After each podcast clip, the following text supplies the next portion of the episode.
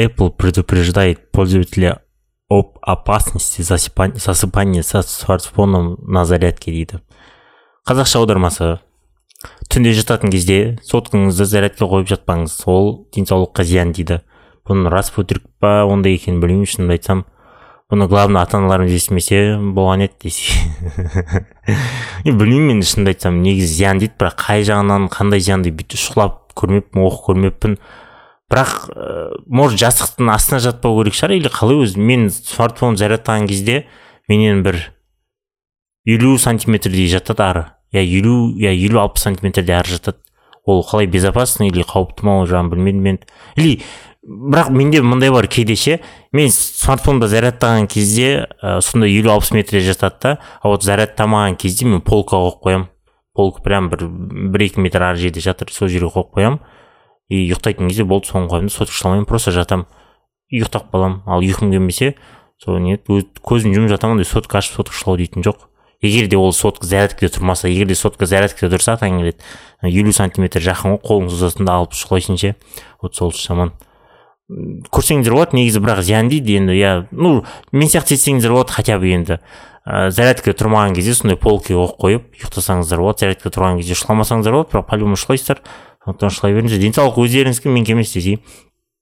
Самсунг ыыы дейтін еді андай экран көрсетті сотканы полностью короче сотканың алдыңғы беті полностью экран болып тұрады. Рамкасы болмайды.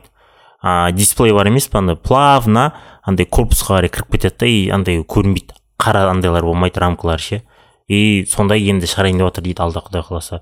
Емай базар жоқ. Бұрын андай фантастический кинолар көретін едік қой. Бұрын емес екі мың оныншы жылдары екі мың он үшінші жылдары жиырма жыл бұрын е он жыл бұрын он жыл бұрын сондай нәрселер көретін едік. Деп ше қазір мынаны көрсең е мое база жоқ дейсің ғой вот вот міне вот технология техника қайда бар? Так джек дорси дейтін танисыздар ма танымайсыздар ма? Твиттердің основателі. Ол короче инстаграм аккаунтын өшіріп жіберіпті.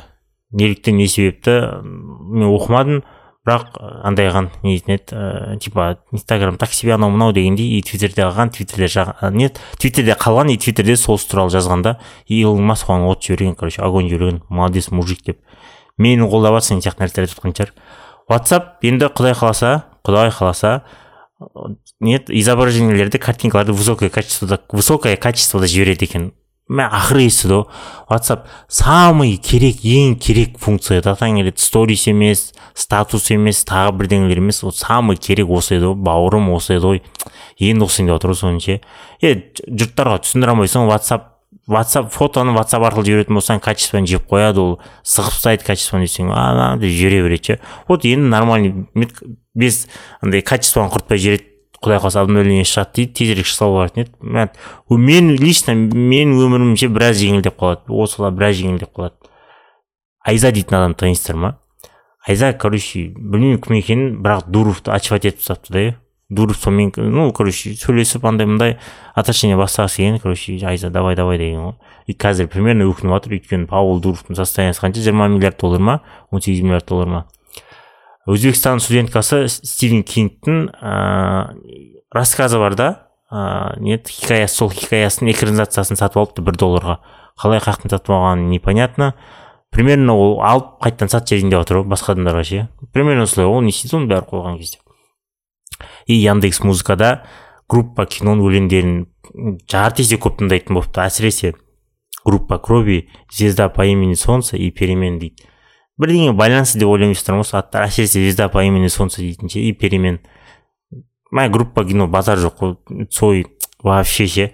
Ну андай айтады да ше ыыы бұрын папа айтады маған мысалы бұрынғы кездері ше ыыы аталарымыз апаларымыз андай деген дейді да мысалы цойды тыңдап жатқан кезде не ол цойды тыңдап не өлең ол дұрыс өлең тыңдаңдар қандай өлең ол жын ойнағандай мындай дегенде сойдың сіздер өлеңдерін тыңдағансыздар ма? Сойдың өлеңде әрбір сөзінде ше ананың ше? Емай смысл деген жатыр ғой. Ана ешқандай боғауыз сөзсіз ешқандай матсыз ешқандай боқтамай ше? Керемет өлеңдер керемет тексттер жазғандай ше? И соны тыңдама дейді да. Как это деймін да? Вот біздің қазір тыңдап жүрген өлеңдерді тыңдама деп айтсам мен түсінемін ше? За деньги да бірдеңе моя киска готова сондай мындай дей ма? Е мое көп андай факт дейтін сөздер боқтайтын сөздер амп етемін дейтін сөздер. Е мое еще хит болып жатқан өлеңдер олар ше таң қаласың ше. Вот осыларға айтса болады осы не өлең жын ойнақ деген сияқты ше. Бірақ сойды мен түсінбеймін неге оны тыңдатпаған ше. Таң қалатын нәрсе ғой фокскон дейтін білесіздер ма? Фокскон дейтін короче айфонды ыыы құрастыратын компаниялардың бірі. Подрядчиктердің бірі да. Енді индияда айфон он бесті құрастырайын деп жатыр екен сол фокскон қытайдан жайлап олар кетіп жатыр. Походу қытайда уже производство невыгодно. И так себе сондықтан да үндістанға кетіп жатыр. Походу үндістанда экономический бум болатын сияқты. Үндістанда да примерно қытай сияқты жағдай болады мне кажется қытайдың состояниесі келеді потом үндістан олар қайда кетеді екен а? Примерно сол центральный азияға келетін сияқты біздерге өзбекстан қазақстан дейтін жерлер ше. Неге бізге қазір келмейді атаң келеді? Атаң келеді не? Суға андай жоқ па жол жоқ па соның кесірінен келмей ма? Мә тезірек келсе болады. Негізі бізге көп андай компаниялар келіп андай ашатын болса ше мне кажется олардың самый минимальный зарплатасы біздегі нормальный зарплата деп саналады деп ойлаймын мен ше. Бірақ зерттеп көрмеппін.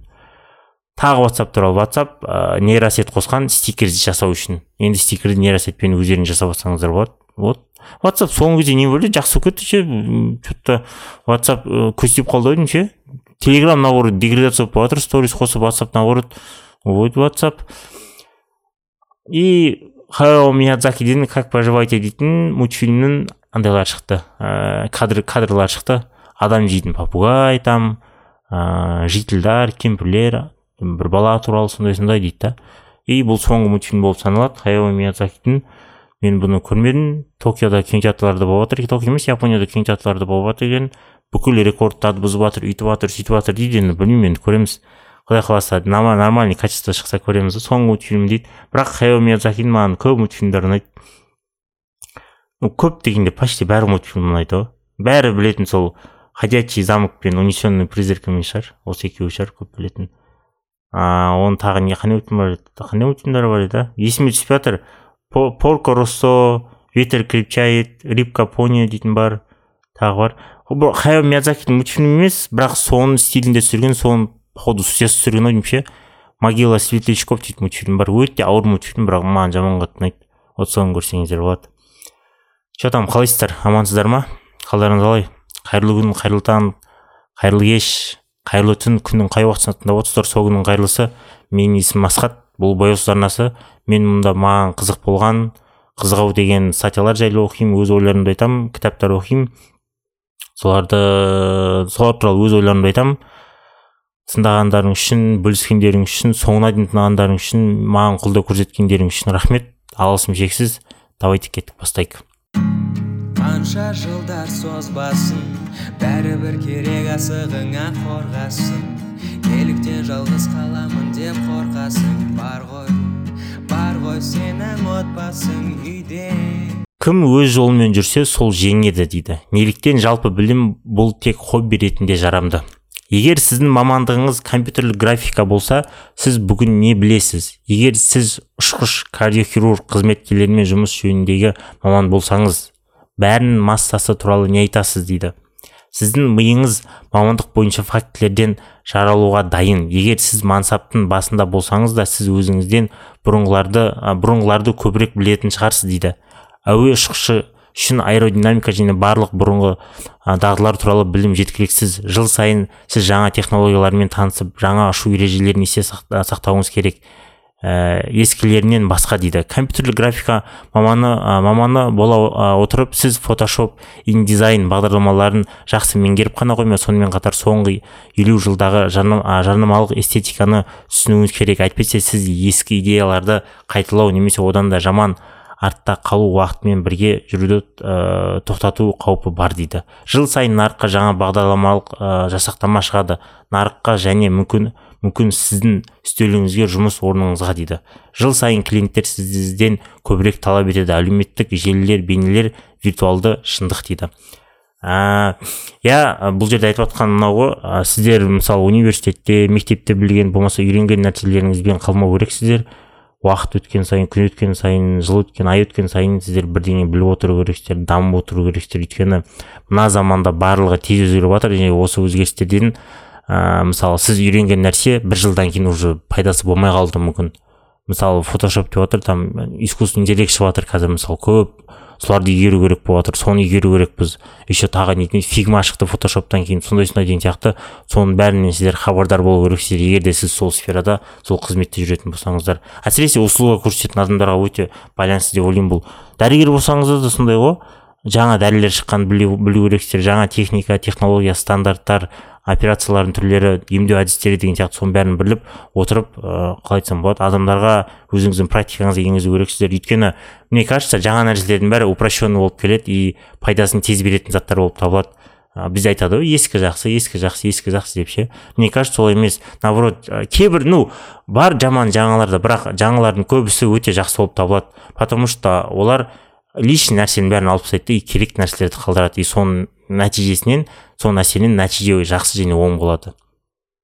Сіздің мамандығыңыздың шеңберінен тыс жағдай қалай дейді? Сіз өз өздеріңіздің сіз өздеріңіздің алдыңғыларыңыздан көбірек білесіз бе әлде аз ба дейді? Мен аз деп бәс тігуге дайынмын. Иә және басқаша қалай болады? Өйткені ми шектеулі сыйымдылыққа ие және ол кәсіби саладағы барлық нәрселермен толтырылған сайын жалпы білім үшін аз орын қалады дейді. Миыңызды толтыра берсеңіз толтыра берсеңіз кәсіби мамандық кәсіби салалардағы білім білім миға келу үшін оған орын аз болады деп жатыр да. И миыңыз оны игере алмай қалуы мүмкін деп жатыр ә, ол үшін орын босату керек деген сияқты әңгіме айтып жатыр ғой. Мүмкін сіз қазірдің өзінде ашуланған шығарсыз наразылық білдіресіз бе? Мен шектеулі ақмақ ақмақпын ба тармаңдай шамын ба деп. Ну қазір осының бәрін кейін сіз жынданасыз ба деп жатыр да. Ешкім мұндай болғысы келмейді. Біз өзімізді универсал ұстаз опытный немесе кең профильді мамандар деп атағанды ұнатамыз. Біздің арманымызда үлкен ауқыммен жұмыс клиенттердің кең тізімі әр уақытта керемет жаңа жобалар дейді. Біздің кез келгеніміз еркек пен әйел өзін кез келген тар маман емес бәрін қол, ә, қабылдауға дайын адам ретінде көреді дейді. Ә, қанша шындық болса да біз өзімізді күшті маман ұстаз универсал опытный деп көргіміз келеді және көреміз дейді да. А по сути көп адамдарда көп жерлерде олай емес дейді.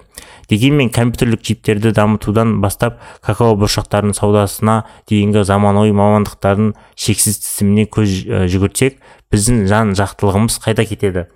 Таным кенеттен қосылып кішкентай тауашаға сәйкес келеді дейді. Ну кішкентай сфераға тауаша деген бұл жерде сфера болып саналып жатыр бұл сөз көп айтылады. Вот тауашаға сәйкес келеді. Біз бара бара аз нәрсе туралы көбірек білеміз. Басқаша айтқанда біздің жеке пән туралы біліміміз сызық, ә, сызықтық түрде өсіп келе жатқанда жалпы мәселелердегі надандығымыз экспант, ә, экспонент ә, экспонент бойынша ә, жарылып кете, кете жаздады дейді. Өмір сүру үшін біз көптеген тауашылық мамандармен байланыста болуға мәжбүрміз. Олардың жұмысы тағы да басқа тауа, тауашалық мамандардың жұмысының арқасында құламай тұр. Немесе ұялы телефонды өзіңіз тез жасай аласыз ба деп ойлайсыз ба дейді. Так бұл жерде айтып жатқаны ә, біз уақыт өте белгілі бір сфераға белгілі бір мысалы қалай айтсам болады узкий специальностьке сондайға кетіп бара жатырмық дейді да. И ә, жалпы білім жалпы білу дейтіннен жұрдай болып бара жатырмық дейді узкий специальностьті білу жоғары өсіп жатыр ал жалпылама білу дейтін төмен түсіп жатыр дейді да. И бәріміз бір бірімізге связаны дейміз өйткені ә, мен бір узкий специальность болсам сен басқа специальность болсаң бір бірімізге байланыстымыз мысалы ә, мен сот чип шығарамын мысалы полупроводник чип шығарамын мен чипімді смартфон жасайтындар қолданады. Смартфон жасайтындардың короче смартфондарын приложение жасайтын адамдар қолданады. Приложение жасайтын адамдардың короче бизнес қолданады деген сияқты да. Бәрі бір біріне взаимосвязан да. Өйткені бір бірінсіз өмір сүре алмайды деп жатыр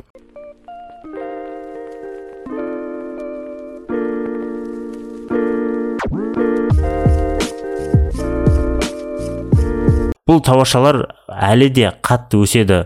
Жаңбырдан кейінгі саңырауқұлақтар сияқты. Солай тез өседі деп жатыр да кәсіби тауашалардың сұмдық көбеюі адамзат тарихында жаңа нәрсе.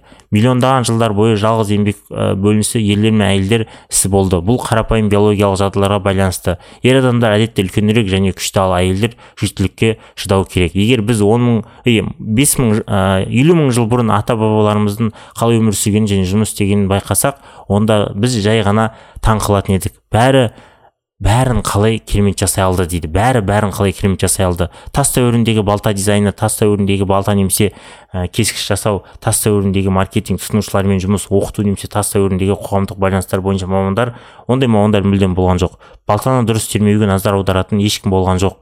Барлығы оны қалай ұстауға қалай ұстау керектігін білді. Аңшы немесе жинаушы қандай да бір мамандықтар туралы білмейді дейді. Бұл шамамен он мың жыл бұрын көбірек адамдар отырықшы болған кезде өзгерді. Мұндай маман маман маман мамандандыру пайда болды. Малшылар жер өңдеушілер құмыра жасаушылар геометрлер пайда болған кезде дейді. Патша сарбаз су тасушы аспазшы және хатшылар пайда болған кезде. Кәсіптер ойлап табылды. Олармен бірге мансап пен сараптама ойлап табылды. Сонымен қатар тар мамандықтар. Тас дәуірінің адамы жан жақты болу арқылы ғана өмір сүре алды. Оның маман ретінде мүмкіндігі болмас еді. Бірақ он мың жыл бұрын бәрі өзгерді. Бүгінгі адам тек маман ретінде өмір сүре алады. Ал универсалдардың мүмкіндігі жоқ. Соңғы универсал универсалдар барлығы туралы жаза алатын журналистер. Олар олардың қол, қол өнерінің құрып бара жатқанын көруге мәжбүр болды дейді. Жалпы білім берудің қандай жылдамдықпен пайдасыз болғаны таң қаларлық дейді. Ә, айтып жатыр анау бұрынғы заманда деп ше? Мысалы иә әрине сондай болған ғой. Бұрынғы заманда адамдар бәрін істей білген ғой. Анау от жағу киім тігу балық аулау ә, там бірдеңені тұралау үйді соғу не орманда бір бір жерден тауып шығу ағашты дұрыс құрату ағашты дұрыс таңдау шөпті дұрыс таңдау жемді дұрыс таңдау жемісті дұрыс соның бәрін білу керек болған. Өйткені оларға ол өмір сүруіне керек болған. Олар сөйтіп өмір сүрген сөйтіп тірі қалған да.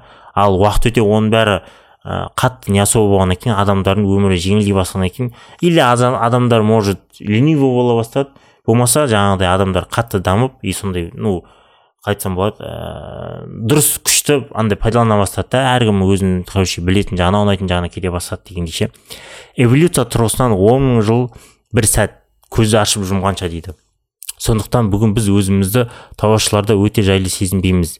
Енді біз өзімізді қандай да бір төмен оңай осал қорғаныссыз сезінетін мамандар ретінде болып қалдық. Мысалы кол колл центр орталығының менеджері сезінетін барлық мақтанышпен ол кейде тек кол колл центр орталығының менеджері болғандықтан ыңғайсыздыққа және тіпті ұят сезінуі мүмкін. Егер ол өз мамандығын нәрсе түсінбесе кешірім сұрауға мәжбүр болады. Бірақ қазір бұда тұрған мүлдем ештеңе жоқ. Бұл қазір табиғи нәрсе дейді. Айтып отыр мысалы белгілі бір мамандар ә, қалай айтсам болады? Мысалы машина жөндейтін адам ыыы оған строительство туралы сұрайтын болса ол білмейді строительство туралы. Или сантехника туралы сұрайтын болса оны да білмейді. Ыыы қалай айтсам болады. Компьютер жайлы сұрайтын болса оны да білмейді. Ыыы не фотография жайлы сұрайтын болса оны да білмейді. Ыыы не еді тағы не бар? Қандай мамандық?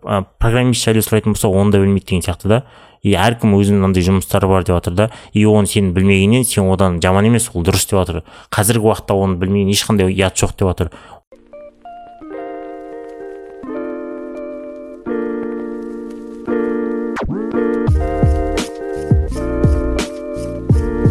осылайша универс, универсал болудың романтизациясын тоқтату керек деп жатыр да енді. Өйткені ол тоқтады болды бітті. Өйткені қазір ну география дамып әлем әлемде интернет дамығаннан кейін ә, жеке бір жерде жеке бір мемлекетте болатын мамандықтар бір елде болатын мамандықтар уже сыртқа басқа елге шықты. Ну вообще қазір бір зат шығаратын болсаң сен әлемге уже әлемдік конкуренцияға енесің ғой. Жалғыз бір елден емес. Мысалы бұрын ондай мысалы шекара жабық болған кезде мысалы кореяны алайық та северная кореяны. Вот северная кореяда мысалы ешқандай елмен қарым қатынас жасамайды. Сондықтан да олардың ішінде өздерінің конкуренциясы бар да жаққа мысалы сол жаңағы тас дәуіріндегі бірдеңелер дейтінді қолдануға болатын шығар. А вот қазір мысалы универсал болу дейтінді тоқтату керек. Өйткені сен бір мамандықты алып сол мамандықтың шыңына шықсаң сен жеңіске жетесің деп айтып жатыр да. Тағы бір нәрсе болды дейді. Тауашылар тоқтаусыз бөлшектене бастады. Тауашылардағы тауашылар және тауашылардың тауашылардағы тауашыларды тауашылардың түрлері дейді. Короче сфераның ішіндегі сфера сфераның ішіндегі субпад сфералар деп айтып отыр ғой пайда бола бастады. Мамандырылған салалардың саны күрт өсті. Бұрын аймақтар бойынша бөлінген бірақ мамандан, мамандану бойынша бірдей болған нәрсе қазір жаһандық сипатқа ие болды. Бірақ мамандану бойынша өте бытыраңқы болды. Әр саладағы бәсекелестік өте үлкен бірақ салалардың саны да орасан зор. Жеңімпаздардың саны шектелмейді деп жазады цифрлық сарапшы кевин келли дейді. Сіз біреудің ә, жарысында жеңіске жетуге тырысқанға дейін дейді. Бұл сіз үшін және мен үшін нені білдіреді? дейді. Біріншіден ә, біз көбінесе түбегейлі маман, маманданбаймыз. Содан кейін біздің ә, бізді басып озғаннан ә, озғанына таң қаламыз дейді. Мысалы бүгінгі аурухананың ренг, ә, рентгенологы мамандырылған рен, ә, рентгенолог ретінде бағаланады. Нев, неврорадиолог инвизивті рентгенолог рентген рентген рентгенолог және тағы басқалар дейді. Сондықтан сіздің жетістіктеріңіз туралы ғана емес сонымен қатар сіздің дәл нақ дәл нақ сіздің жетістіктеріңіз туралы да ойланыңыз дейді. Бұл сіздің басыңызды көтеріп ұяңыздың мүлдем қарауда қажеті жоқ дегенді білдірмейді. Көптеген пайдалы заттарды басқа салалардың ұқсастығы бойынша көруге және импорттауға болады. Бірақ бәрібір өз орныңызды құзыреттілік шеңберіңізін назардан тыс қалдырмау қалдырмай айналаңызға қараңыз дейді. Екіншіден жеңімпаз бәрін алады деген керемет сөйлем. Егер сіз өз орныңызды шынымен жеңімпаз болсаңыз егер сіз бүкіл әлемде ең жақсы болсаңыз пайдалы болады. Егер бұл әлі болмаса сіз өз мамандығыңыздың ә, тереңдетуіңіз керек дейді. Ә, барлығын басып озып тағы бір жеңіске жету үшін жылдам жүру, ә, жүруді өз жолыңызбен реттеңіз және түзетіңіз дейді. Соңында үшінші білімнің барлық түрлерін ә, түрлерін жинауды тоқтатыңыз. Бұл сіздің мамандықтағы болашағыңызды жақсартады деген үмітпен. Экономикалық тұрғыдан бұл енді күшті емес. Бұл күндері кең білім тек хобби ретінде мағынасы бар. Егер сізді қызықтырса тас дәуіріндегі адам туралы кітапты тыныш оқыңыз дейді. Бірақ оған ұқсамайтыныңызға көз жеткізіңіз дейді.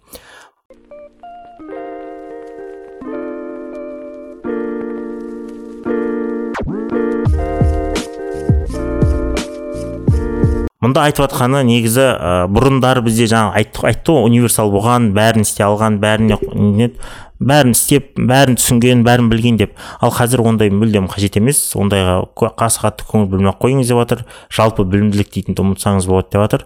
Қазір ә, өзіңнің құзыреттілігіңдегі өзіңнің шеңберіңдегі мамандығыңды біліп сол мамандықтың шыңына шығыңыз деп жатыр да. Ол не значит что сен ол мамандықтың шыңына шық дегенде сол мамандықпен ғана шектеліп қал деп жатыр да.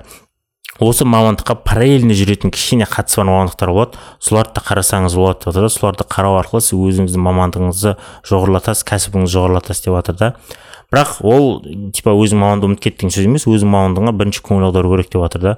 Вообще негізі өз мамандығыңа жұмыс істеп жатқан кезде сен мамандығыңа байланысты егер мамандықтар болатын болса соларға негізі көңіл аударған дұрыс.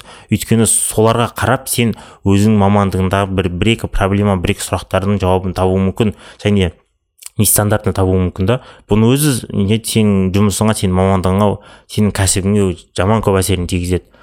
Ал былай жалпы білімділік дейтін тоқтатқан жөн дейді да. Бізде қазір бар ғой білмейсің ба не андай мындай дейтін сияқты ше.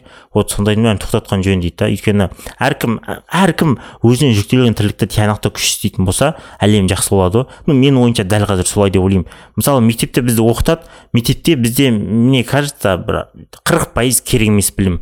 Бір или елу пайыз қателеспесем керек емес білім елу пайызы керек қалғандары керек емес ше. Өйткені оны кейін адам өмірде пайдалана ма пайдаланбай ма деген сияқты. Ғой если сен оны оқып құр оқитын болсаң өмірде пайдаланбасаң ол құр уақыт кетті деген сөз ғой отход деген сөз ғой. Жаңағыдай қалай айтсам болады. Ми ә, жаңа бірдеңені қабылдау үшін ескі бірдеңені ұмыту керек. Яғни ескі бір информация ұмытып соған жаңа бірдеңеге орын орын ашу керек. Сол кезде ғана жаңа нәрсе тез ұғылады деп жатыр да. И вот сондай нәрсе айтып жатыр ғой жаңағы жалпы білімділік мынаны білу керексің мынаны білу керексің сияқты ше. Не білу керек жалпы білімділік дегенде де білу керек. Жаңа тарихыңды осындай осындай дұрыс сөйлеуді грамматика андай мындай дегендерді оның бәрі дұрыс.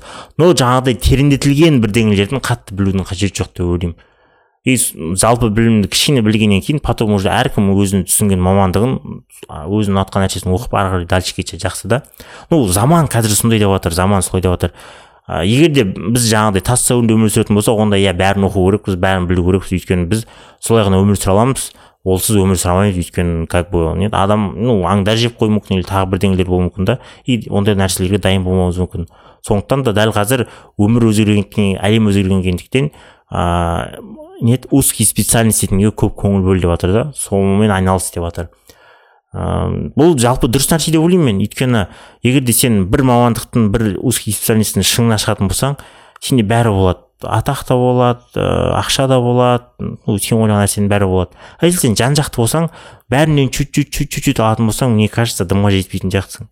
Лучше сол жаңағыдай бір нәрсені ұстадыңыздар ма ұнады ма и до конца соны до конца барыңыз соған дейін. И бұл жерде еще тағы бір нюанс бар ғой если сен тапқан мамандығың сен тапқан узкий специальностьтің егер саған не андай қуаныш әкелетін болса сол істеген нәрсе саған ұнайтын болса вот вот сол кезде вообще уин уин болады комбо болады.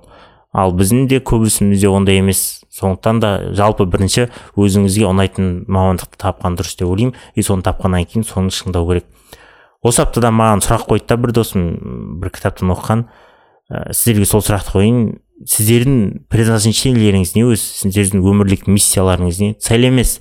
Там үй сатып алу америка алу екі жүз елу миллион доллар ақша табу бір миллиард теңге табу үш миллиард теңге табу емес. Өмірлік миссияңыз да өмір бақи болатын. Мысалы самурайларда бушидо дейтін кітап бар олардың өмірлік миссиясы служение хозяину да қожайынына қызмет ету. Вот сол жолда олар өледі да и олардың пути миссиясы предназначениесі сол да. А вот сіздердің предназначение миссияларыңыз не? Сол туралы ойланыңыздаршы. Бұл өте андай не андай терең сұрақ екен ше. Бірақ егер де осы сұраққа жауап табатын болсаңыздар сіздің өмірлеріңіз жеңілдей түседі және өмірлеріңіз бақытқа толы болады да және сіз ойлаған ақша атақ бәрі келе береді дейді. Ол жағын енді нақты білмедім мен әлі өзім ойлап жатырмын бірақ мен тапқан сияқтымын өзімнің предназначение миссиямды ше. Бірақ енді конкретика керек кішкене. Сол конкретикаға жететін болсам алда одан сайын жақсы болатын шығар деп жатырмын жасап жатқан еңбектерім барлығы. Не болса да алла жазса құдай қаласа алда көреміз. Давайте сау болыңыздар аман болыңыздар. Бір мамандық таңдап сол мамандықтың шыңына шығыңыздар. Әрқайсымыз бәріміз өзімізге жүктелген тірлікті дұрыс адал ә, жақсы тиянақты орындайық. Давайте сау болыңыздар.